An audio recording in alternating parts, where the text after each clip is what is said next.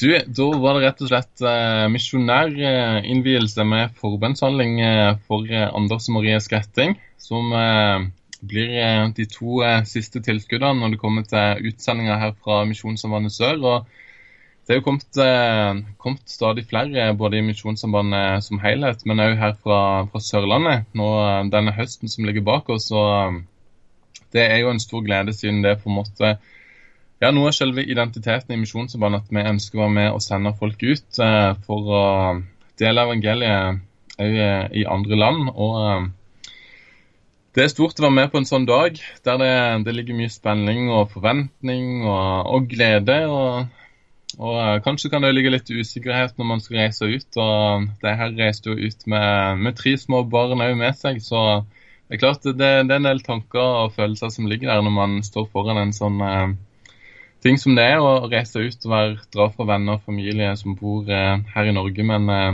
samtidig så var det en, eh, en, virkelig flott dag å få være med på.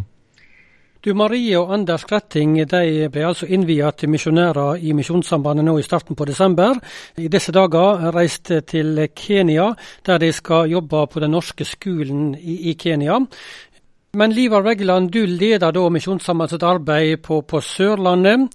Sørlandet det er vel Agder fylke og det er gamle Telemark fylke, stemmer ikke det? Ja, det stemmer. Ja, og, og, nå for tida så har dere en runde der dere har valgt å ringe rundt eh, til folk som er engasjert i Misjonssambandet, sånn på lokalplanet. Eh, det er første gang dere gjør, men hvorfor en sånn ringerunde? Ja, du, vi tenkte det at uh, det er jo greit å få litt sånne uh, årsmeldinger. Folk skriver noen setninger på papir og sender inn. Men så tenker vi det, det ligger noe eget i det å få en, uh, en, samtale, ta en prat og ringe. Og ja, kunne stille litt spørsmål både den ene og den andre veien, holdt jeg på å si. Og, og det har vi i hvert fall gjort nå. Vi begynte sist, sist, måned, og så holder vi fremdeles på. For det er ganske mange lag og foreninger til sammen som skal ringes. Uh, en ca. 230 stykk. Eh, så da har vi samla både ansatte og regionstyret og folk fra Barne- og ungdomsrådet.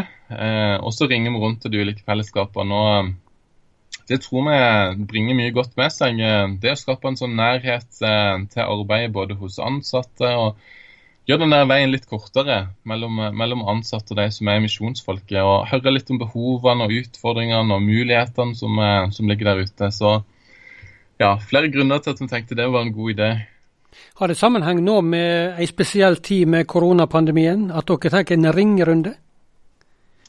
Ja, det, det har det òg. Altså, for vi har jo fått litt sånne indikasjoner på at det kan være litt, eh, litt ulikt eh, forskjellige steder hvordan eh, korona- eller pandemisituasjonen er slått inn. og Vi ønsker å høre litt om hvordan hvordan det er i de ulike fellesskapene. Om, om, ting ligger stille, om folk tenker å dra i gang ting igjen. og Vi ønsker på en måte å være med og ja, kanskje gi et, uh, gi et lite dytt og være med og oppfordre til at uh, OK, dette kan vi faktisk få til, selv om det er restriksjoner. og um, Være med og bidra hvis det er ting vi kan gjøre for å få opp aktiviteten igjen. For det kan jo bli av og til sånn at uh, ting kan bli liggende litt nede når det har gått lang tid og det har vært en, en pause i arbeidet. så så det har vært eh, et av de, et av de temaene som jeg har kommet, kommet, inn på underveis, ja. Det har de. Du, eh, hvordan har du opplevd disse ringerundene for din egen del?